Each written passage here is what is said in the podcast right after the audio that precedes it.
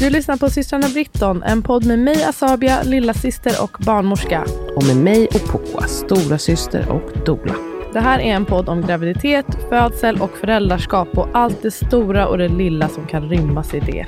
Vi blandar fakta med personliga upplevelser och hoppas kunna bidra med ökad kunskap, men kanske mest av allt ökad trygghet för dig som lyssnar. Ja, precis. Att du som lyssnar känner dig lite tryggare i att fatta egna beslut utifrån dina unika förutsättningar. Och förhoppningsvis blir det några skratt på vägen. Stort tack att du lyssnar. Nu kör vi veckans avsnitt.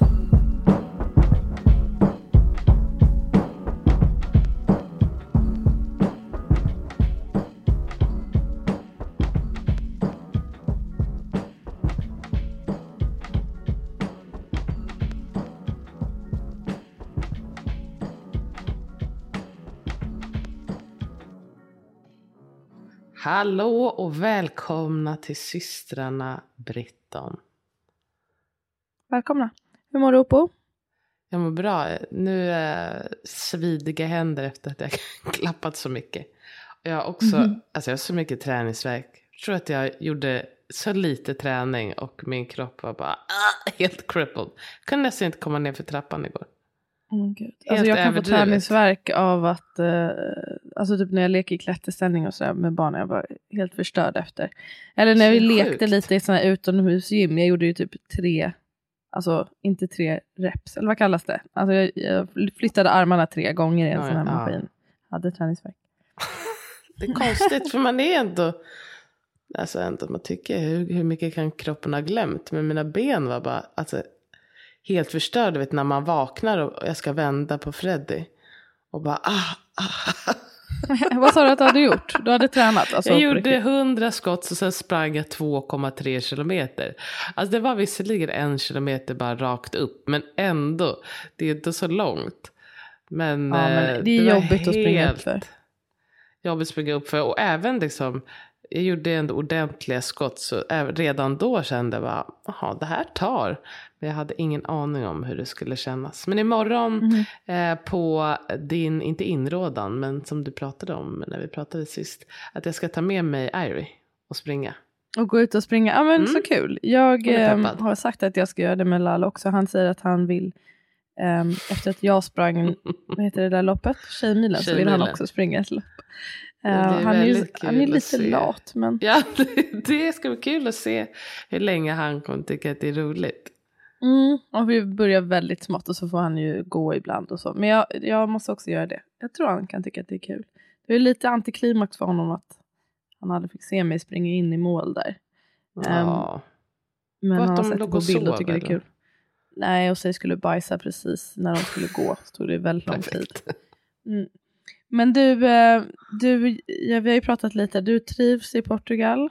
Jag trivs det jag. Och idag har jag börjat ta upp mina kläder och lägga in i garderoben. Ska jag lägga undan min väska. Och det känns också som att man är settling down sakta men säkert. Eh, du är i Ericeira. Ja, det är the surf capital of Europe har jag lärt mig. Har du surfat, har du surfat Nej, jag tittar på surfarna varje dag och känner dread. Jag har lovat att jag ska göra det när uh, Seven, min bonusson, kommer. Men jag är jätterädd om jag ska vara ärlig. De mm, ramlar så jävla det. mycket. Och så bara, de är ofta också så jävla långt ut i vattnet. Men jag förstår det som att... Det kanske man, inte behöver vara. Nej, och vi ska, jag har bestämt att vi går någon kurs äh, om vi får plats. Och då i början är man väldigt nära strandkanten. Och jag såg några som gjorde det igår. Och då såg det ju roligt ut. Då liksom surfar de ju så här baby waves. Skulle ju vara mm. roligt mm. om man klarade av att stå. Ja, det kommer vara jättekul. Folk som surfar tycker att det är superkul det är också kallt så in i helvete, vattnet. Mm -hmm. Faktiskt. Ska du ha en wetsuit då eller? Ja, man måste ha wetsuit. Ja, det ska bli spännande i alla fall. Jag tror inte att det här kommer bli mitt, att det här är mitt kall. Jag tror att jag kommer ganska dålig. Men det ska bli roligt att prova i alla fall, även fast jag är rädd. Jag är redo. Ja, vad är det för inställning? Ja, okej, men du tror att du kommer vara dålig? Mm. Ja, men det känns okej. Det ska jag. tror att jag kommer tycka att det är kul liksom för en dag ändå. Jag tror inte jag kommer här, bli surfare. Det här påminner mig när vi, jag och Amat var på Mauritius och vi skulle åka vattenskidor. Amat är väldigt tävlingsinriktad. Eh, ja. Jag vet inte om du vet det. Eller alltså han är väldigt så här. Jag vet att han älskar smack talk. Ja, vad heter talk smack? Och så. Jag hatar det. Jag kan aldrig köra någonting med honom för jag tycker det är vidrigt. Men det var kul när han gjorde någonting som han var så otroligt dålig, dålig på och jag var så bra. uh, för han, alltså apropå att så här, det här är inte din grej. Alltså Nej. vattenskidor och den här killen som skulle lära oss han bara dog av garv. Alltså, det älskade inte han direkt. Ja, det hade jag verkligen velat vara med på. Ja, det var, det var ren skadeglädje. Du, du sa en grej till mig när vi snackade sist, um, eh, inte på podden men eh, privat, att eh, det var en nice grej där i Portugal hur de är med barn. Att Nej, men... de är så barnvänliga och så mamma föräldravänliga. Mammavänliga. Alltså det är som att, eh, kanske jag märkte ännu mer i Lissabon. Här har jag kanske inte pratat med så många men folk var, alltså det, jag hade flera exempel. Det var ju någon, vi tog ju eh, tåget och då är det liksom en kvinna på andra sidan vagnen som håller på och viftar och så typ tittar jag lite på henne. Och alla platser är ju upptagna. Men då är hon bara så här, pekar som att så här, vill du ha min plats eller ska jag ordna en plats? Och jag bara, ah, nej det, det är okej. Okay. Jag tyckte det var så gulligt att liksom eh, kolla upp. Att så, oj, där är det någon som står med ett barn. Eh, det måste vi ordna. Och det, vi åkte ju också någon gång, vi åkte fel. Och så, så tåget vi skulle ta, det var, det var knökfullt. Jag var helt säker på att vi inte skulle gå på. Och så är det sista killen som ska in. Han är bara så här, nej men liksom vinkar in mig och eh, Ivy. Och då har vi vagnen dessutom.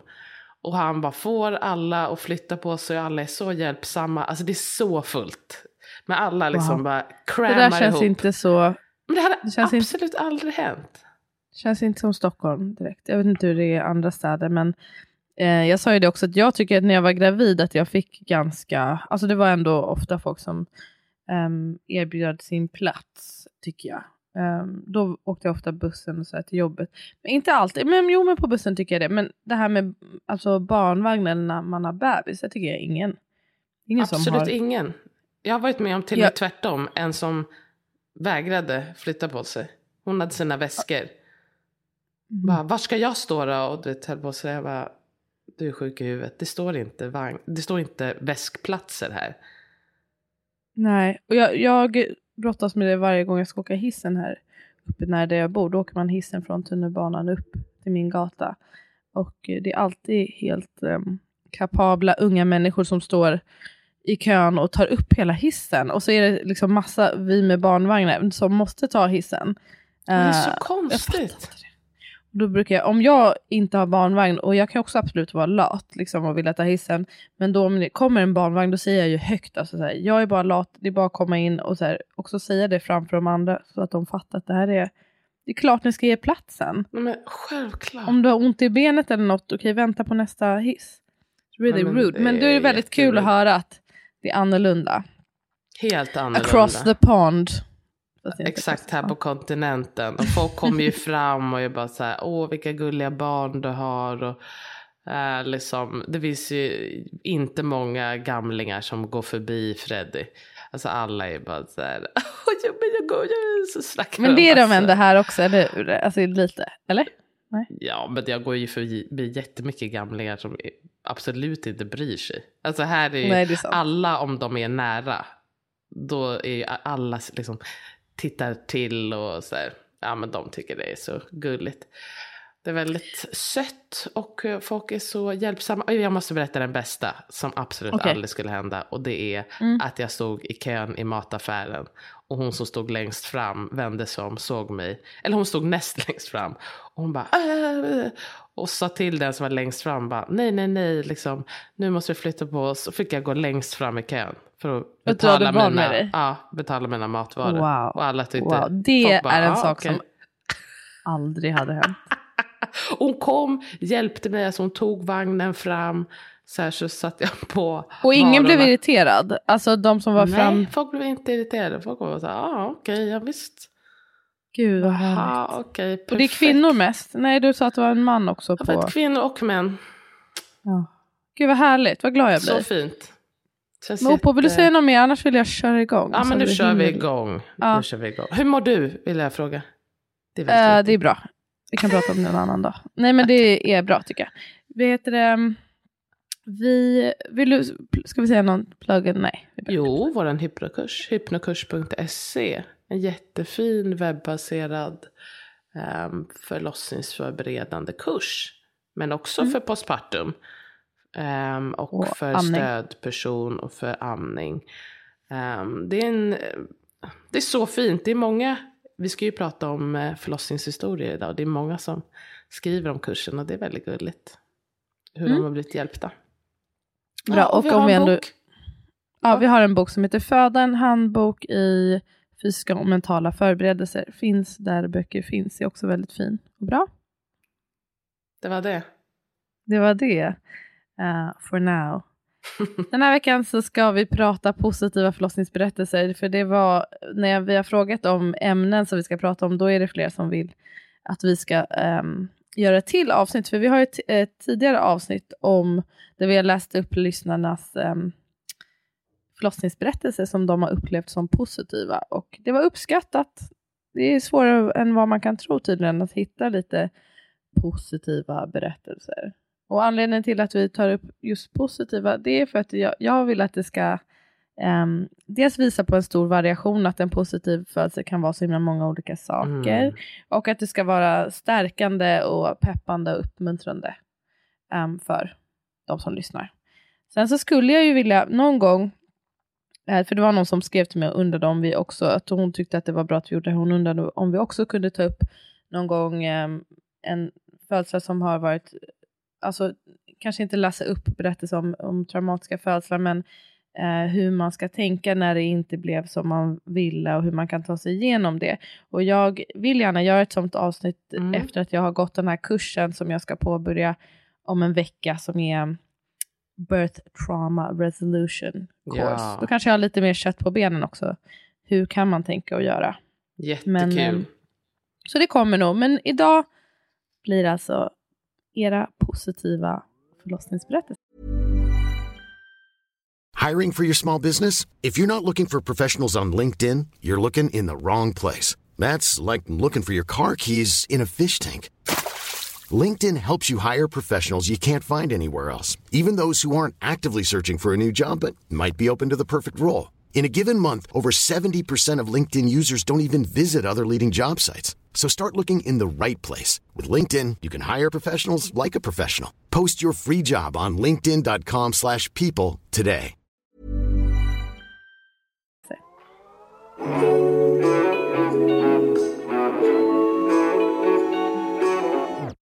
Ska jag börja då? Eller? Uh, jag har... Mm, Okej, okay, men du, jag kan...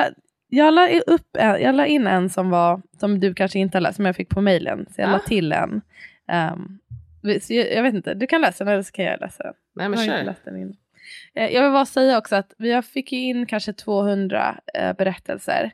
Så det är, om man har skickat in och inte får en uppläst, det är bara för att det är så himla många helt enkelt. Och, eh, men vi sparar allting och tänker att det kommer fler sådana här avsnitt. Eller hur? Precis, ja absolut. Och det, det var man kul kan ju aldrig läsa för mycket positiva upplevelser tycker jag inte. Nej, men som man inte känner sig bortsållad så, utan det är bara att det var väldigt många som hade. Men också att alla kommer inte bli upplästa. Så är det ju. Man skickar så är det in. också. Men vi uppskattar att ni skickar in. Nu ska vi försöka läsa bra här. Det som var lite speciellt med den här uh, var att det här är ett brev som mm, den här mamman som födde 1997 skrev till sin dotter på hennes födelsedag um, om när dottern föddes. Så det är skrivet till dottern då. Fy fan vad fint. Okej. Okay. Det är, är väldigt redo. fint. Det hade jag velat ha. Okej. Okay. Stockholm, oktober 1997.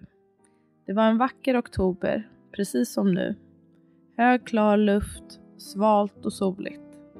Jag väntade mitt första barn och njöt av varje dag av graviditetens sista månad. Vårt beräknade datum var den 17 oktober och jag var inställd på att det skulle dröja ytterligare ett par veckor. Jag kände mig lätt och stark i kroppen. Jag hade ingen brådska. Den 9 oktober arbetade jag fortfarande heltid i min sömnateljé utan planer på att trappa ner. På eftermiddagen kom den första molande verken. En helt ny känsla. En lite vag, långsamt stegrande och liksom sugande smärta. Jag hade haft förverkan en tid, men det här var något annat. Jag förstod att det var dags att börja avrunda mina pågående projekt i ateljén och meddela mina uppdragsgivare att jag skulle ta en paus för att föda. Min man kom hem från jobbet några timmar senare och jag berättade om verkarnas nya karaktär. Vi kände oss väl förberedda, lugna och trygga.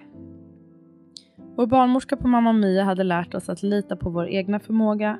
Hon hade hjälpt oss att skapa ett lugn och en tillit inför vårt födande. Vi bodde nära Karolinska sjukhuset och jag sa till min man att jag ville stanna hemma så länge som möjligt. Jag hoppades kunna göra mycket av verkarbetet hemma. Till min hjälp hade jag en tensapparat, min andning och yogaövningar. Verkarna tilltog under kvällen och natten. Jag bad min man att försöka sova så mycket som möjligt inför förlossningen så att han skulle vara utvilad och stark. Själv kunde jag såklart inte sova en blund, men det gjorde mig ingenting. Jag vandrade stilla runt i vår lägenhet den natten och sjönk ner på golvet under varje verk. På morgonen ringde vi min mamma som bodde 50 mil bort. Det var hennes första barnbarn som var på väg och vi visste att hon ville resa till oss när det var dags. Vi packade en väska, ringde taxi och åkte in. Min lilla syster hade precis börjat på läkarlinjen på KI och jag ringde henne från vårt förlossningsrum. Kom, vi föder barn. Verkarna blev snabbt allt kraftigare. Jag fick lustgas som hjälpte lite grann och vi profylaxandades tillsammans däremellan. Men till slut pallade jag inte mer svärta utan bad om en epidural. Det var en underbar känsla när smärtlindringen spred sig i min kropp. Jag slappnade av, jag fick vila och återhämta mig lite. Det jag minns allra mest av timmarna som följde var att vi lyssnade på Bob Marley och spelade kort i min säng. Min syster, min man och jag. Verkarbetet kom igång igen och vi fick avbryta spelet för varje verk som kom. Det var varmt och tryggt i vårt rum. Smärtan tilltog rejält, men jag var inte rädd. När den första krystverken kom insåg jag direkt att jag inte riktigt hade förstått vad det innebar. Att det var en helt annan slags verk, som inte gick att likna vid någonting jag tidigare varit med om. Jag hade lärt mig att jag fick skrika, att jag kunde hämta kraft i rösten och låta den samverka med vågorna som slet i min kropp. Det kändes ovant och lite konstlat till en början. Jag kände inte igen min egen röst. Den var mörk och dov och vibrerade med verkarna. Jag styrde inte riktigt över kroppen själv längre och här upplevde jag mitt första stresspåslag. Allt kändes rörigt och okontrollerat. Jag blev rädd och undrade varför det var så många människor i vårt rum. Barnmorskan vid vår sida var lyhörd och lugn. Hon bad de andra som inte behövdes i rummet att lämna rummet. Hon hämtade våtvarma handdukar och berättade för mig hur hon skulle använda dem för att hjälpa mig att slappna av under den sista fasen. Hon lärde mig hur jag skulle använda krystverkarna för att föda fram mitt barn och hon pressade mjukt emot med de varma handdukarna. Jag minns inte så mycket detaljer här, men jag glömmer aldrig känslan av vårt samarbete. Jag var inte längre rädd. Tyra föddes i en sista vrålande verk. Det var en obeskrivligt fin och stark känsla. Hon gled ur mig i en lätthet jag inte trodde var möjlig och lugnet sänkte sig i vårt rum. Barnmorskan la henne på mitt bröst och det var som att smärtan aldrig funnits. Älskade barn, den 10 oktober fyller du 25 år. Du är det bästa som någonsin har hänt mig. Din mamma, Andrea. Jag började gråta. Det var jättefint. Åh, underbart skrivet. Det var verkligen underbart skrivet. Jag blev också alldeles rörd för att tänka att man ska ha vuxna barn som är 25 och... Fy fan. Är det bästa som har hänt. Så fint. Jag älskade det han skrev också att um, som jag har tänkt mycket på och skrivit om uh, häromdagen också det här med rösten för att jag upplever att det är ganska ofta jag tycker att folk har missuppfattat uh, dels oss kanske och andra och att man um, det här med att andas ut barnet och att det finns ett mm, det här, att ett mål som att man ska vara tyst hela tiden när man föder och det inte alls mm.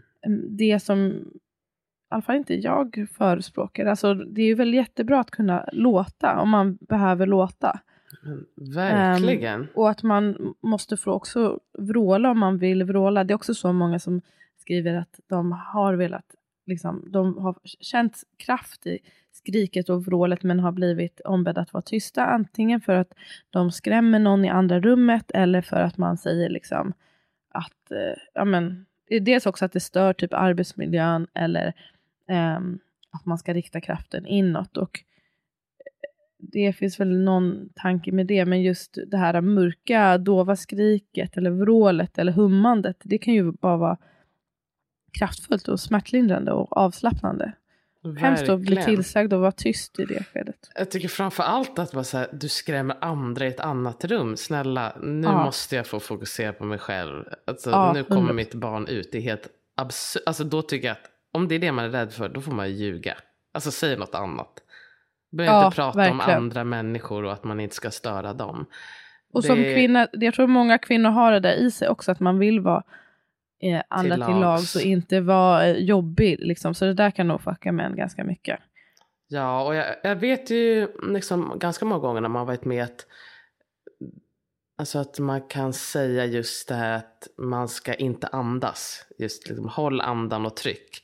Alltså det när man får krysta för, ja. forcerat precis. Mm. Nej men inte bara forcerat, alltså när folk bara krystar för sig själva och då så säger de ändå till. Alltså man tycker att det, det verkar som att det går bra och liksom från start att man säger eh, du, måste hålla, du måste hålla andan, du måste hålla andan och liksom pressa. Man kan liksom, det, man får inte, många får inte ens en chans att se hur det skulle vara att, an, alltså att bara andas eller att liksom andas då genom att vråla. Alltså följa sin kropp helt enkelt, precis. det kroppen säger. Men det där är, vi har ju pratat i ett annat avsnitt om det, så ni kan lyssna på, jag tror att, eh, att krysta på sitt eget sätt, tror jag den heter. Um, där pratar vi just om det, för det, om, om det är så att man känner av egna krystverkar och, och det inte är bråttom, då finns det ju inget skäl till att man måste göra på det här um, sättet alltså med pressa. att hålla andan och trycka allt du kan. Alltså då kan man, bör man ju kunna uh, göra på sitt eget sätt. Men i alla fall, lyssna på det, det avsnittet. Det var mm. fint i alla fall att hon kände att jag fick liksom vråla. Hon hade sin lyhörda barnmorska som kunde be folk liksom gå ut härifrån om inte ni har ett syfte. Älskar det. Jag förstår att det är, det är stressande när man bara... Men också så här, jättekonstigt när folk bara står där och hänger. Alltså out of here. Sluta stå och titta på mig. Vilka var de här människorna? Men, men det kan säkert vara så här, någon student, någon, någon annan barnmorska eller ja, vad det nu kan. Sticka ifrån. Nej, men det är jättebra att hon sa till. Jag kan inte tänka mig något mer störigt om man, också börjar, om man uppmärksammar det. Att så här, oj, det är en massa människor här som iakttar mig. Alltså det är ju inte känslan man vill ha när man har fött barn tror jag överhuvudtaget. Eller man, Nej. men många. Ja. ja men vackert. Ja. Jag blir inspirerad. Fint. Jag ska också skriva ett brev. Se om jag kan skriva, knoppa ihop ett brev redan nu. Mm. Jag tänkte också det. Jag vill också göra det. Jag har en tradition att, att de får också höra om deras födelsedag på deras födelsedag har jag tänkt. De hör om sin födelse hela tiden, men att man berättar liksom ingående tycker jag är härligt. Mm. Okej, varsågod på. Nu slår jag mig, sätter jag mig ner här, eller jag sitter redan med att luta mig tillbaka Luta dig tillbaka. Okej, jag ska också försöka läsa så gott jag kan. Hej Asabia och Pokwa. Vill skicka ett megatack till er podd och hypnokurs jag lyssnat på genom min graviditet inför min första födsel. Tack vare er blev det en otrolig upplevelse då ni möjliggjorde för mig att göra medvetna och informerade val för min förlossning som passar mig och min kropp. Från typ vecka 20 började jag och min sambo lyssna på er hypnokurs på kvällarna. Så mysigt att somna till avslappningsövningarna. Väldigt värdefullt att förbereda oss tillsammans. Det gjorde min kille till den bästa stödpersonen som kunde hjälpa mig hitta andningen och fokus hela tiden när det väl var dags. Viktigaste lärdomen var verkligen att förberedelse är allt, men att planera sin förlossning är omöjligt. Jag hade sett framför mig en förlossning i bad och hade preppat inför det, men istället började min förlossning med vattenavgång utan verkar. Jag bokades in för igångsättning på sjukhuset och kände nej. Ville så gärna att kroppen skulle få göra detta själv utan interventioner. På torsdag kväll, två dygn senare, kom äntligen verkarna igång innan igångsättningen. Men trots det började de planera för ballongkateter och verkstimulerande dropp. Min intuition sa att jag skulle klara det utan det. Men gick med på att ta två tabletter Augusta, men inte mer. På en gång blev verkarna intensivare och helt plötsligt gick det jättesnabbt. Öppnade mig från 5 till 10 cm på tre timmar och bara en timme efter det var han ute redan på fredag eftermiddag. Barnmorskornas plan med fler piller, ballongkateter och verkstimulerande dropp behövdes inte, utan min kropp gjorde det här helt själv. Tillsammans med andning, affirmationer och visualisering samarbetade jag, min partner och bebisen. Jag följde kroppen, använde uppåtandningen, affirmationer och visualisering. Vågor visualiserade hon. Under öppningsfasen och började automatiskt ändra till nedåtandning, frustande. Konstant floppy face, floppy fanny som mantra i krystverkarna hade handen mellan benen så mycket som möjligt och fick känna hans huvud komma ut steg för steg för att till slut ta emot honom själv. Trots att allt gick så fort kände jag mig så medveten och närvarande. Jag hade kontroll samtidigt som jag bara följde med. Det blev inget bad, men det blev något helt speciellt och otroligt ändå.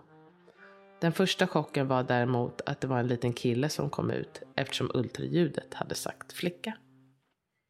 Svettigt oh ansikte-emoji. är det svettigt? Ja, är det Eller det så, du tolkar det? Med en droppe, leende med en droppe i pannan. Wow. okay. Men, jättefint. Var det här hennes första barn? Ja, skrev det. Åh, härligt. Så härligt. Underbart. Vi har många faktiskt positiva igångsättningshistorier. Och det I, tror jag är så viktigt. Det tror jag också. Och det är många som har skrivit det. Och det kanske just också för man känner den där att man inte hör så mycket om det utan att det är mycket skräckhistorier. Exakt, och att det tar jättelång tid och att det liksom måste vara liksom interventionskavalkad. Kavalkad? Ah, ja, whatever, jag kan inte prata. Uh, men det, det, kan ju se ut på så olika sätt. Och också så fint, uh, tycker jag, varje gång någon liksom känner in sin intuition och liksom litar mm. på den och kommer ihåg att så här, jag, jag vet att jag visste att det skulle gå.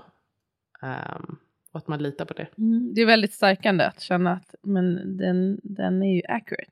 Jag älskar också att hon kände, hade händerna emellan benen nästan hela tiden. Love it. Love it, love it, love it. För det betyder att hon, liksom, hon vågade ta plats där i rummet och göra sin grej. Jättebra. Det gör mig glad. Ska vi köra på? Ja. Eh, den här har inte jag läst innan, men jag kör på. Den är säkert härlig.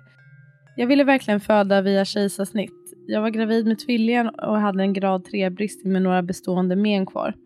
Dock blev jag nekad kejsarsnitt i vecka 36. Jag var livrädd. Jag ville verkligen inte föda vaginalt. Hatade att jag inte kunde bestämma.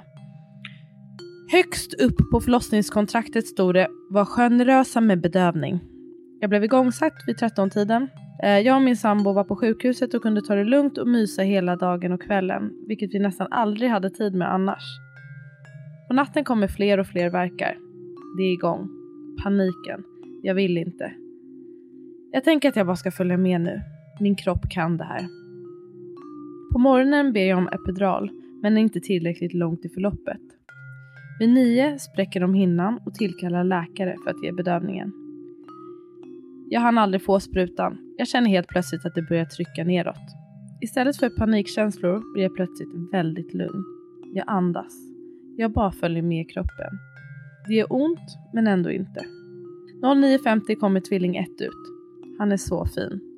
Han ligger på mitt bröst. Vi får en lugn stund i salen. Bebisens skrik har tystnat. Allt känns tyst. Tiden står still. Det börjar komma fler verkar. 09.50 står det igen här, men mm. det står fel. 09.50 är tvilling 2 ute. Han är helt perfekt och jag är starkast och lyckligast i världen. Även om inget blev som jag hade önskat från början är det den bästa och häftigaste upplevelsen jag någonsin varit med om. Än idag blir jag stärkt av att tänka på den födseln. Så fint. Alltså så Jättefint. tråkigt.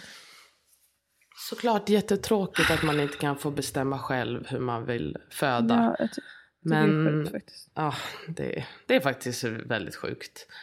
Också med det där, alltså, det, jag blev faktiskt väldigt förvånad.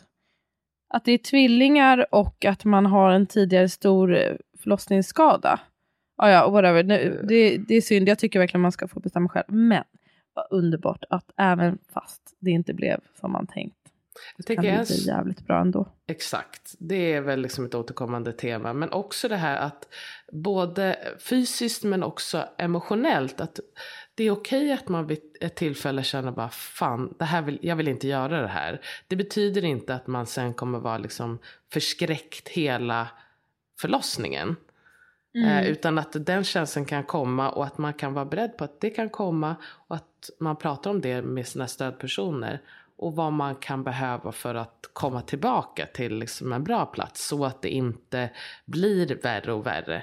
Eh, nu hade hon ju det inom sig själv och det har man ju ganska ofta att man, man får frika ut lite och sen går det över så går man vidare liksom. Eh, mm. Men att precis som med smärtan att bara för att det gör ont eh, nu så behöver det ju inte betyda att det gör ondare och ondare och ondare. Och liksom, även emotionellt Nej, behöver man ju inte bli mer och mer orolig.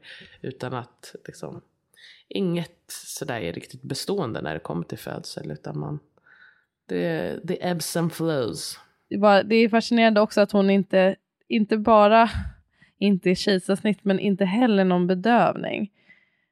Och det är lite risky business att hålla på att ta hål på hinnorna sådär. Och sen ska man ta epiduralen. Ah, ja. Men här, det var fint att det gick så bra. Det, jag är så imponerad av alla som föder tvillingar. Alltså, tänk, man har fött ett barn så bara, nu kommer det mer verkar. Helt otänkbart. Alltså hur det skulle... Jag tänker mig att det kommer vara som en jättestor placenta. Att man är redan så öppen. Att det är bara så här, att nummer två kommer precis. inte kännas som nummer ett i alla fall. Nej men jag kan precis så men tänker jag också. Men det är säkert inte en placenta. Så det är säkert Nej det är ju inte mjukt som en placenta. Och så är man väl också, då är, är, man förhoppningsvis kvar i den här zonen Exakt. och har sitt barn där och liksom fortsätter vara alert och motiverad. Det är väldigt coolt. Det, är, det är helt otroligt faktiskt. Allting med tvillingar är uh, mindblowing to be honest. Trillingar också för den delen. Verkligen. Och, uh, mm, ska vi köra? Mm. För övrigt, vi sa ingenting om det förra, den som, förra som du läste, att hon att det var en pojke istället för en flicka. Alltså, de får inte göra så med mig i alla fall. Nästa Om de har sagt att det är en tjej och sen så blir det en pojke. Alltså jag, jag, vill, jag vill helst inte, då vill jag hellre inte veta. Jag, jag, jag vill inte känna mig lurad. Jag tror att jag skulle jag vet inte hur jag skulle... Jag skulle, jag skulle komma över det men... Jag tänker att, alltså också att när de säger tjej, för då tänker man så här, då har ni verkligen inte sett något. ja, alltså, han gjorde en tuck. Han tuckade in. Han är steady and drag. Uh, mm. Okej, okay, då tar jag nästa. Jag har inte läst den heller men det här verkar kul. Ta vilken du vill. Alltså jag har inte, de är inte, det är många som, vi har stjärnmärkt jättemånga. Ja men jag tar den här som kommer. Mm. Bakade tårta med vattenavgång och stora syster fick en lilla syster i födelsedagspresent.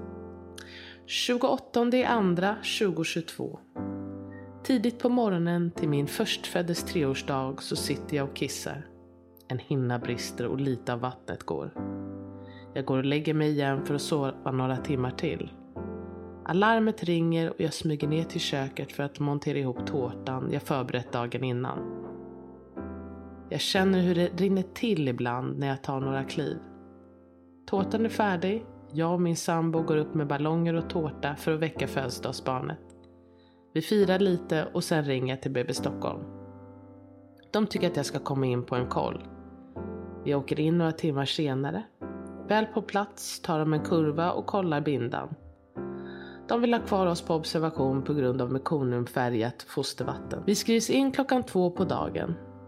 Vi får ett observationsrum som vi delar med en annan kvinna. I rummet finns en säng, en TV och en stol.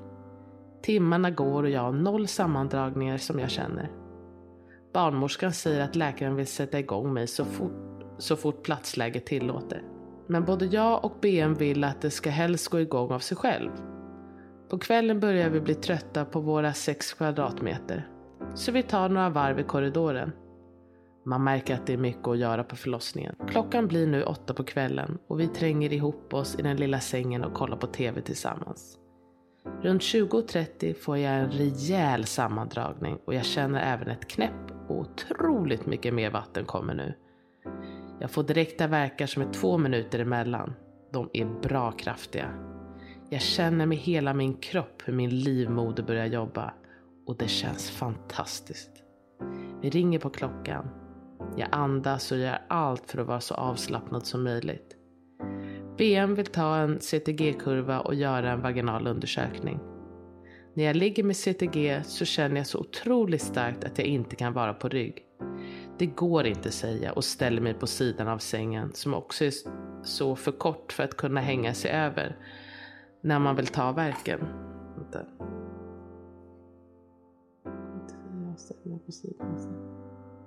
Okej, det går inte säga och ställer mig på sidan av sängen som också är så för kort för att kunna hänga sig över när man vill ta verken. BM säger att jag bara är öppen 4 cm. Men att jag snart ska få ett förlossningsrum. De ska bara städa färdigt. Jag fattade ingenting. Jag har fött barn förut och 4 cm fasen minns jag inte alls är intensiv. Men inte visste jag att mitt barn skulle vara fött en timme senare. Det hinner gå cirka 15 minuter innan vi ringer in dem igen. Börjar bli väldigt intensivt nu. Jag vill ha ett rum, jag vill bada. De erbjuder sterila kvaddlar och lustgas. Det är allt de kan erbjuda just nu. Tackar nej till bägge. Jag har verkar som avlöses av varandra. Jag börjar tvivla på hur jag ska orka. Jag hittar ingen bra position att ta verkarna i. Jag fokuserar på att släppa axlarna och att vara tung. Mina affirmationer har jag min egen röst säga i huvudet. Min sambo andas med mig. Sen kommer ett ljud som jag själv blir förvånad över komma från min mun. Men jag låter det ske. Jag känner något helt annat nu. Ringer på klockan igen. Rummet är klart och flera personer kommer och hämtar oss. Jag har sådana krystverkar som får stanna jag har såna krystverkar och får stanna flera gånger i korridoren för att ta dem. Några håller mig, men jag minns inte vilka de var. Jag minns att jag skojade med en av dem, att det inte går undan precis att ta sig fram. Väl framme vid rummet möts vi av ett nedsläckt rum med ett litet ljus placerat på bordet. En av de yngre tjejerna i teamet går fram till mig utan att säga något och ger mig en höftpress. Det var magiskt skönt. Sen efter den verken slänger jag av mig mina kläder, hoppar upp i sängen, ställer mig knästående medan BM klipper upp mina trosor och kollar hur nära livet hon befinner sig. Hon förstår att jag hon föreslår att jag lägger mig på sidan. Jag har egna kraftiga krystverkare och under verkpaus så är jag så avslappnad och hög på oxytocin att jag nästan somnar. Det är en lugn och trygg stämning i rummet. Jag är så i mig själv men ändå så har jag de där kvinnliga rösterna viska till mig. Du är stark. Du gör ett otroligt jobb. Vilken kraft du har. Jag kände att alla i rummet litade på mig och jag litade på min förmåga att föda mitt barn. Lilla syster föddes 2141 på sin systers födelsedag och jag blev alldeles förälskad en tredje gång och världen blev ännu en gång lite rikare på kvinnokraft. Ah, vad vackert. Det var än en gång så det här med centimeter och grejer, det inte, um, säger inte något om vad som komma skall. Säger någonting om just nu eventuellt. Hur mycket flugor det är Nej men alltså jag blir galen. Nu är det en som bara håller på och jiddrar med mig. Mm. Ja men ah. härligt att hon fick också bara göra sin grej. Och det här också ett tidigt exempel att det kan vara så himla intensivt och smärtsamt och jobbigt men också så fantastiskt och kraftfullt och stärkande att det kan vara så mycket på samma gång. Och att det är även liksom att den här intensiteten, även om den tar mycket energi, att den ger lika mycket energi. Mm. Och jag, jag verkligen, det som kanske resonerade med mig mest i det här, det var det här med att känna att alla i rummet litar på mig. Alla vet att jag och min kropp kan göra det här och min bebis. Och att det är ju något som är så otroligt stärkande med det kände jag själv um, när jag födde mitt andra barn. Den känslan hade jag inte i rummet när jag födde mitt första. Och det var så Nej. viktigt för mig liksom att jag vill ha folk som litar på, litar på att jag kan det här. Litar på mig lika mycket som jag litar på mig. Det ger ju, ja, förtroende för mig själv. Det är stärkande verkligen. Mm. Verkligen. Uh, här är en som jag vet inte om har jag, varför jag har lagt till den. Jag måste bara läsa för den börjar så här. Min förlossning blev en mardröm. så kanske egentligen inte kvalar in i kommande avsnitt.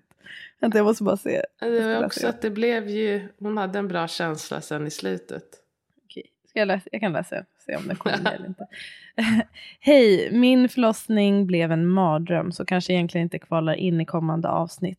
Men Tack vare er kurs så lyckades jag ändå ta mig igenom helvetet genom att lägga allt fokus på att visualisera. Gud, jag ska inte vara hemskt. Nej, Nej, det är inte kul.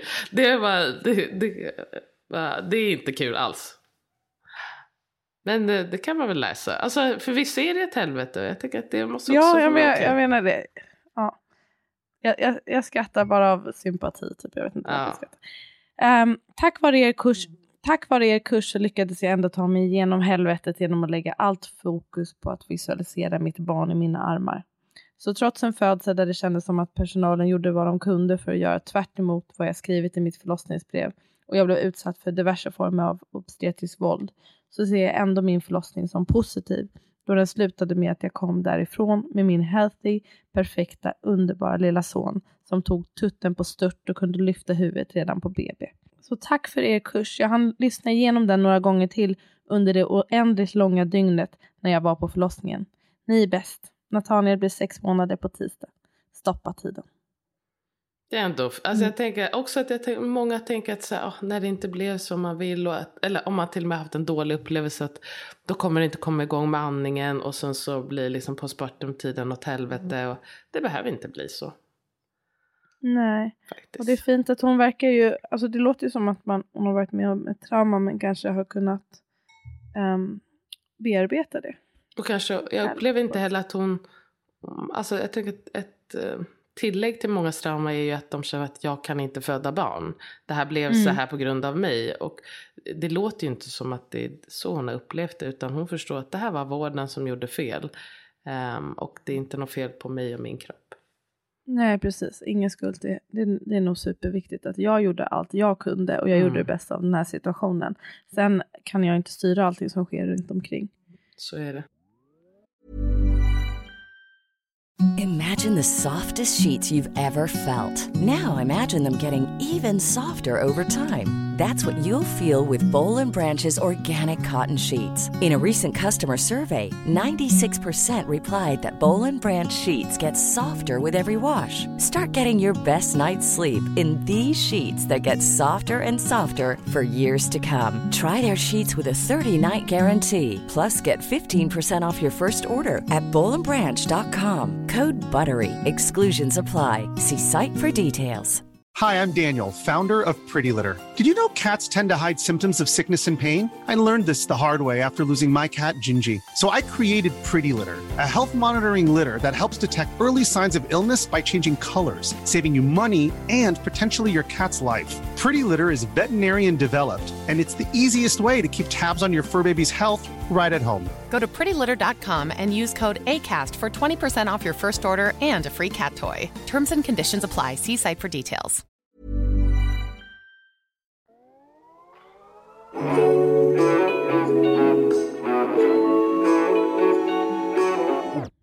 Vill du läsa nästa? Mm. Okej. Okay. Eh, skulle föda mitt första barn och ville göra det mesta arbetet hemma i lugn och ro trots att jag bor 16 mil från närmsta förlossning.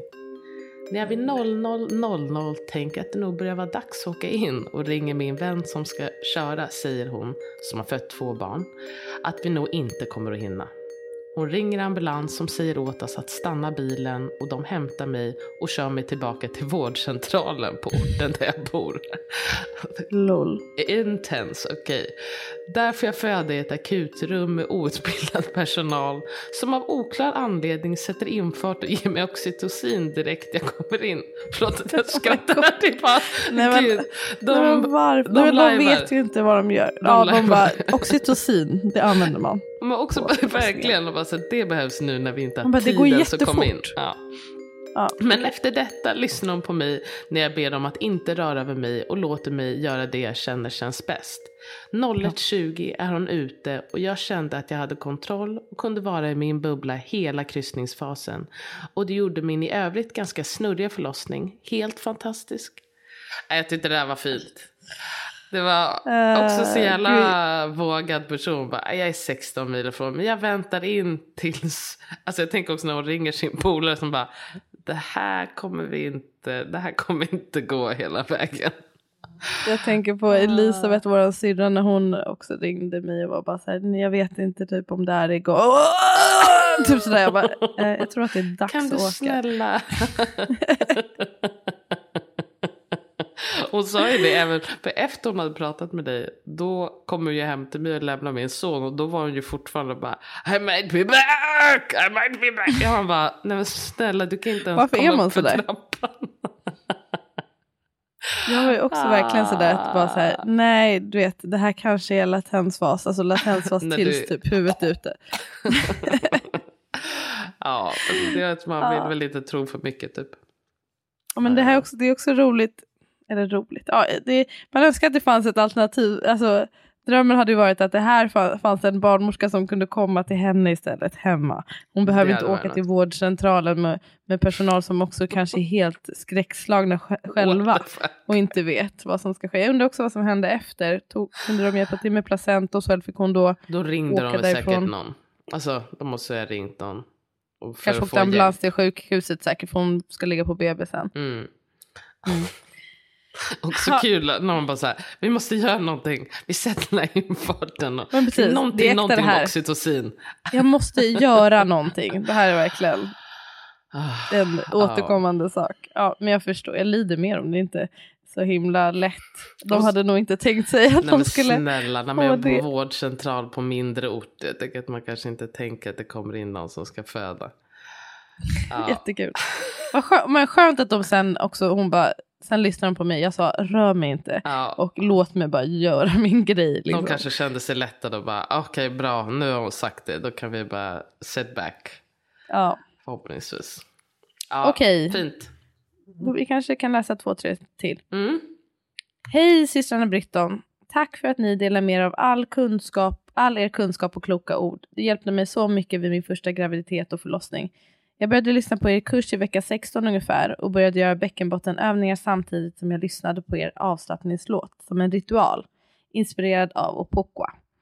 Jag tränade andning, även på toan. Tack för det tipset Asabia. Det var så härligt att ha en ritual varje dag ute i vårsolen tillsammans med mitt barn och med er kurs. Och inte minst avslappningslåten, helt underbar. Tack, tack, tack för de fina orden. Mm, Vattnet gick på fredagskvällen och sjukhuspersonalen ville att vi skulle åka in till sjukhuset. Verkarna började på kvällen när de undersökte mig och blev täta, men sen avtog de både på lördag och på söndag. Det var tufft tycker jag. Men jag använde mig av det jag lärt mig från kursen och tänkte att varje verk tar mig närmare mitt barn. När en barnmorska kom in i vårt rum och såg hur jag andades igenom verkarna frågade hon mig om jag hade förberett mig inför förlossningen. Hon sa att det syntes. Det var så peppande att höra det. Väl i badet började den aktiva fasen och jag tänkte hela tiden på att varje verk tar mig närmare mitt barn och att vi gör det här tillsammans. Det hjälpte mig otroligt mycket att tänka på det. Jag var tung i kroppen och använde mig av andningsteknikerna. Måndag morgonen satte de epidural, vilket jag hade skrivit i förlossningsbrevet att jag egentligen inte ville. Men hon ansåg att jag var helt slut efter allt verkarbete från fredag till måndag, så jag gick med på det. Det hjälpte mig mycket då jag till och med kunde sova mellan verkarna. Jag hade inte sovit på hela helgen. Efter det öppnade jag mig jättesnabbt och det var dags att krysta. Jag kunde känna krystverkarna själv och jag, det var ingen som behövde säga till mig hur jag skulle krysta, vilket var stärkande för mig. Till slut kom han och jag tog emot honom själv. Det måste varit av en ren reflex eller kanske undermedvetet då jag haft det som målbild och skrivit det i mitt förlossningsbrev. Men med inspirationen av era förlossningar. Barnmorskan blev helt chockad. Jag kände mig så stark.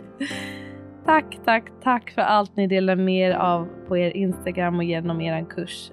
Det var mitt första barn och jag stod på mig om att förbereda mig trots att många tyckte att jag var löjlig för att ingen vet vad som kommer hända och sjukhuspersonalen vet vad som ska göras. Du ska bara följa med. Förberedelse är key. Jag är helt säker på att det var anledningen till att allting gick så bra som det gjorde. Det blev inte alls som jag hade tänkt men det blev precis som det skulle. Och nu har jag min son som jag tog emot själv och minns tillbaka på förlossningen som en stärkande upplevelse.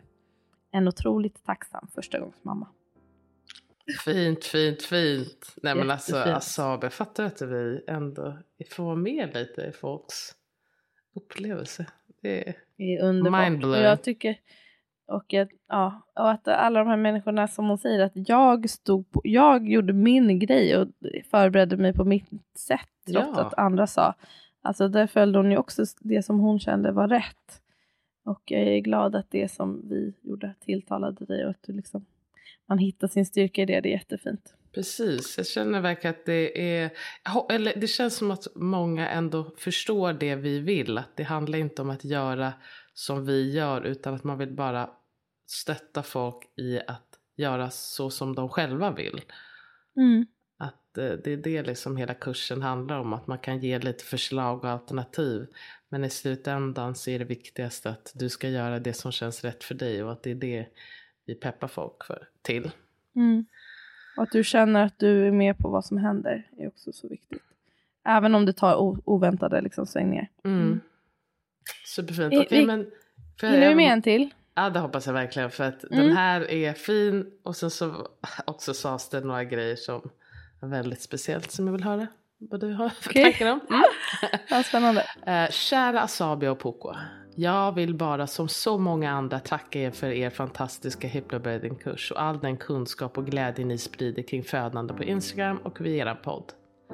Det har hjälpt både mig och min man i våra förberedelser inför att välkomna vårt andra barn i USA där vi bor.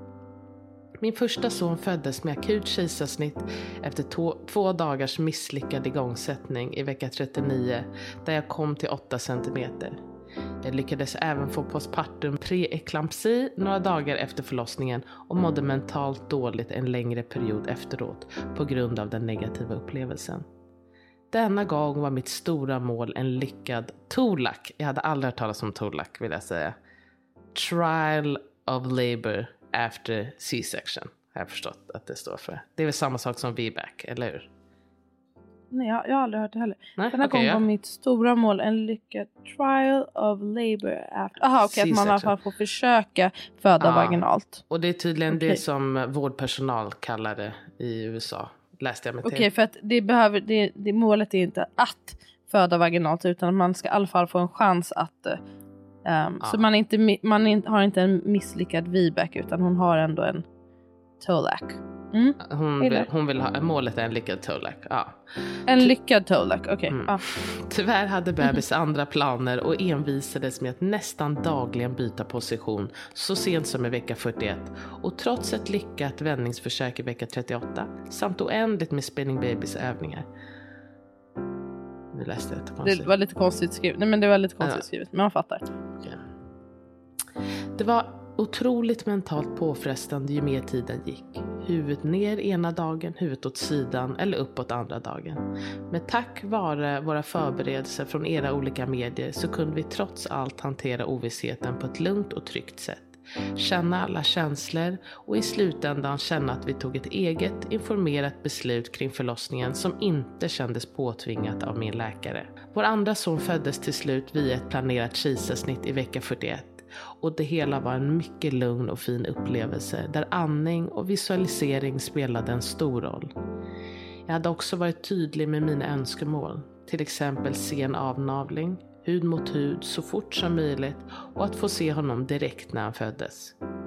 Själva förlossningen var omtumlande för bebis på grund av hans position som gjorde det svårt att förlösa huvudet och att det visade sig vara en hel knut på navelsträngen. Efter 20 minuter av kontroller, att han mådde bra och fick upp värmen fick jag honom hud mot hud under tiden de sydde ihop mig.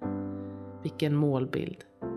Trots att det inte alls blev som jag hade hoppats så fick jag en otroligt fin förlossning som i slutändan ändå blev en revansch från min förra.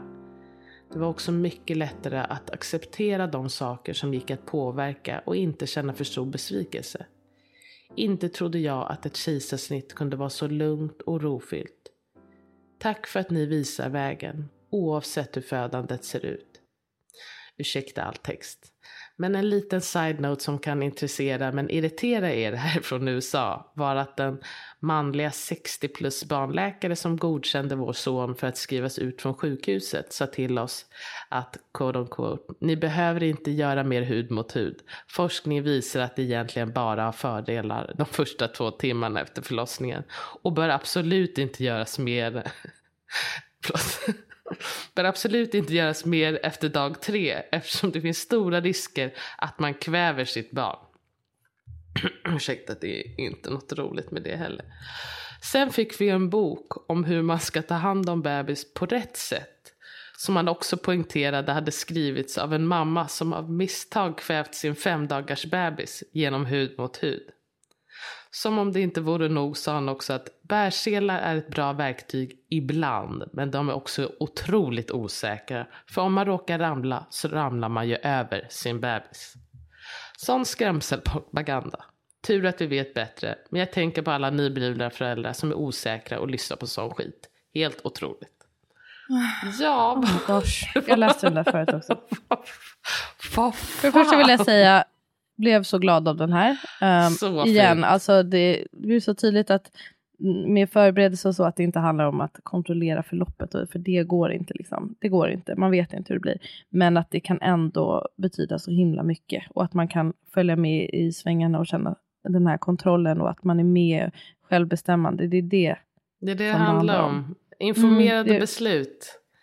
Informerade beslut. medvetna val det ändå blev en revansch. Superfint och fint att få med ett, ett kejsarsnitt här i bland berättelserna. Det har ju, vi har fått in en del um, kejsarfödslar, berättelser också. Men också den här, angående den här läkaren. Förlåt, jag vill bara säga en sista. Och också, det är många som frågar just att säga, ja ah, men hypnobirthing, spelar det ens någon roll om man um, gör en kejsarfödsel och är det någon idé att köpa kursen och sådär. Uh, och att jag har ju både, alltså inte personliga som att jag vet med om, men klienter som har använt hypnobirthing just inför både planerade eh, snitt men också när det har blivit eh, akut snitt och hur hjälpta de har blivit, blivit utav det. Mm. Jag använder som sagt hypnobirthing i um, många delar av mitt liv när jag flyger och är stressad eller när jag är nervös inför någonting eller när jag trådar min mustasch och, och så vidare. Så att så, man kan uh, använda det i många delar av livet när man måste liksom hitta lugnet. Så mm. jag tycker det, det är värt.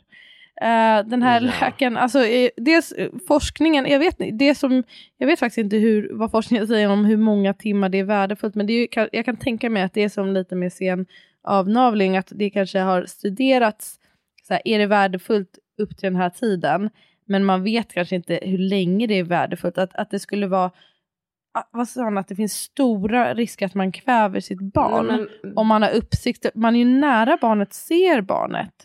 Efter um, dag tre. Alltså dag tre. Man bara, varför då? Barnet är så skulle, litet. Eftersom varför är det inte stora risker, risker innan, innan det? Eller varför men, skulle det vara... Jag, jag tänker väl att det kanske studierna har visat att det är eh, värdefullt, värdefullt dag tre. Ah. Och sen så, men jag förstår inte. Och sen så var det en kvinna som då tråkigt nog hade råkat kväva sitt barn när den var fem dagar gammal. Alltså som att det hade med att de inte hade kläder på sig att göra. Alltså it doesn't even make any sense.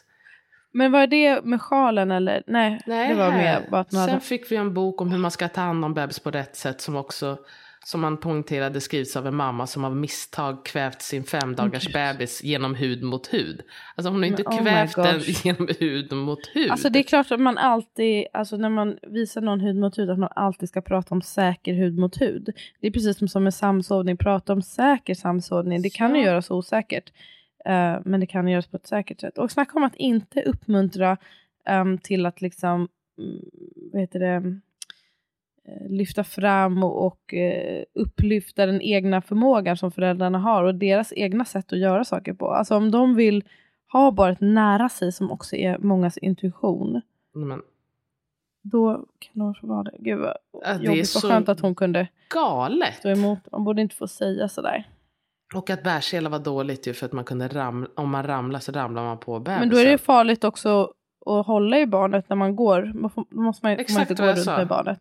Absurt. Så, så, så absurt. Och jag tycker eh, det här med hud, alltså så här, är det, skulle det vara större, om man är med sitt barn och båda kläder på sig, är det då mindre risk att de kvävs då? Eller är det att man tänker att man är, har hud mot Alltså hud? att man är nära då. Att man då om barnet... Jag menar att man inte ska ha barnet nära I guess. Eller? Bara så jävla. Ja, jag tror inte det är så. Alltså alla, är, de flestas instinkter säger ju emot det. Alltså, men det var ett jättekonstigt sätt för evolutionen att bara kläder är ett måste. Material mellan våra kroppar. Jag Får jag läsa en sista kort? Absolut. Och sen är vi klara. Okej, jag, jag blir bara... Det finns så många... Hur många vi läst? Typ fem stycken. Ja, Det finns typ 195 kvar. nej men gud, Eh, det är så och alla är härliga. Okej, jag vill läsa en till tycker jag. Jag började läsa Föda utan rädsla på kvällen en vecka innan BF. Och under första andningsövningen som kändes så himla skön så kom en verk. Och så gick vattnet. Verkarna kom ofta, regelbundna och varade länge. Jag var ensam hemma och kände mig så pirrig och förväntansfull. På natten då jag och min fru testade lägga oss började smärtan bli svår och vi ringde och åkte in. Jag var öppen en halv centimeter och blev bortskickad. Vilket gjorde mig ledsen och besviken då jag hade väldigt svårt med att verkarna nu och det var kämpigt att ha varit ensam på sjukhuset under timmen då jag väntade på undersökningen på grund av covid. När jag kom ut och kunde stödja mig på min fru igen gav det mig en enorm smärtlindring och från den stunden fick hon aldrig lämna min sida. Vi uppehöll oss, vi uppehöll oss i min kompis källare och där i soffan sov vi mellan verkarna och brydde oss inte om tiden. Jag använde min urkraft för att skrika ut smärtan när den kom. Skriken gjorde inte att jag spände mig, utan tvärtom vad jag hade läst i Föda utan rädsla gav det mig en känsla av kontroll och samarbete med kroppen. Jag behövde uttrycka mig. När morgonen kom kände vi att vi nog borde röra på oss och i bilen kom krystinstinkterna. I Malmö finns proffsiga barnmorskor som anpassade sitt bemötande efter vad jag skrivit i mitt brev. Jag skrek ut fortfarande och de kände till slut att jag var för avslappnad och bad mig testa att hålla mun och riktigt pusha istället. Vips var hon ute. Vi mötte många utmaningar jag inte nämnt. Jag låg ute i två grader och kräktes på gatan i en timme och blev nekad att komma in flera gånger då det var fullt i Lund. Men jag är så stolt över oss.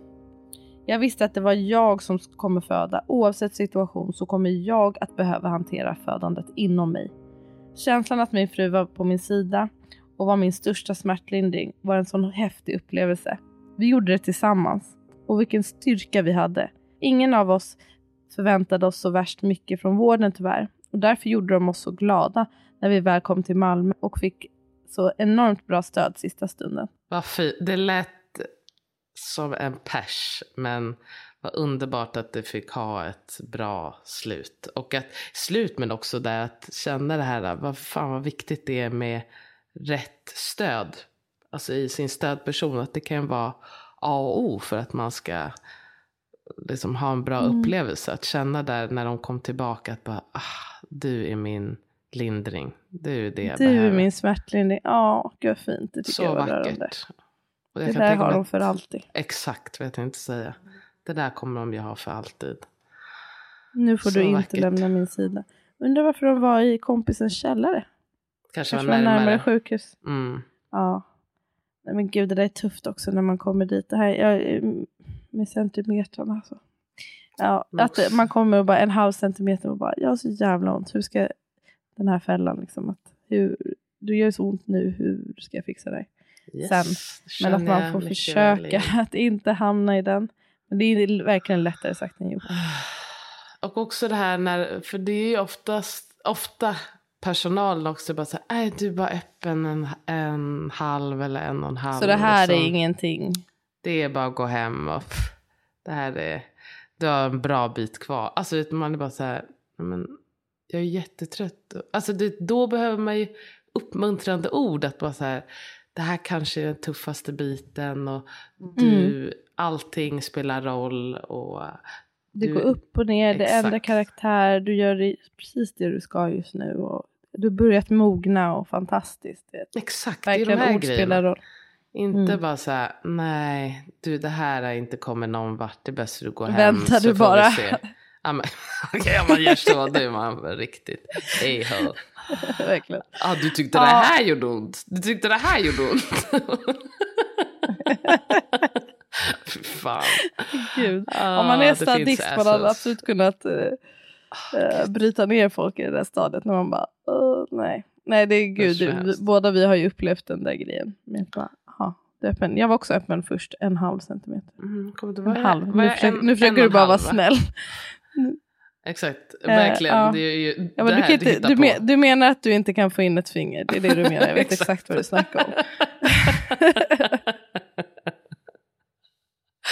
Ja, oh, vad tråkigt. Lång hård tapp. Ja, kul. Tack så jättemycket för alla som skickat in och som sagt det finns massvis mer berättelser kvar och vi får göra det här till ett åter, en återkommande um, grej helt enkelt. Ja, lite då och då. Det. Det, är, det är kul att diskutera de olika och fundera kring. Och, man blir så um, glad. Alltså, det, jag tycker att man blir så stärkt också av att höra att om och om igen det som vi båda redan vet. Att så här, det kan se så olika ut och det kan bli så bra ändå. Jag tror du skulle säga samtidigt. Alla är vi olika. All, Alla, Alla är olika. Så synkar det. Ja, precis det jag tänkte säga. Alla är olika. Ja, exakt. Um, Okej, okay. puss och kram. Puss och kram.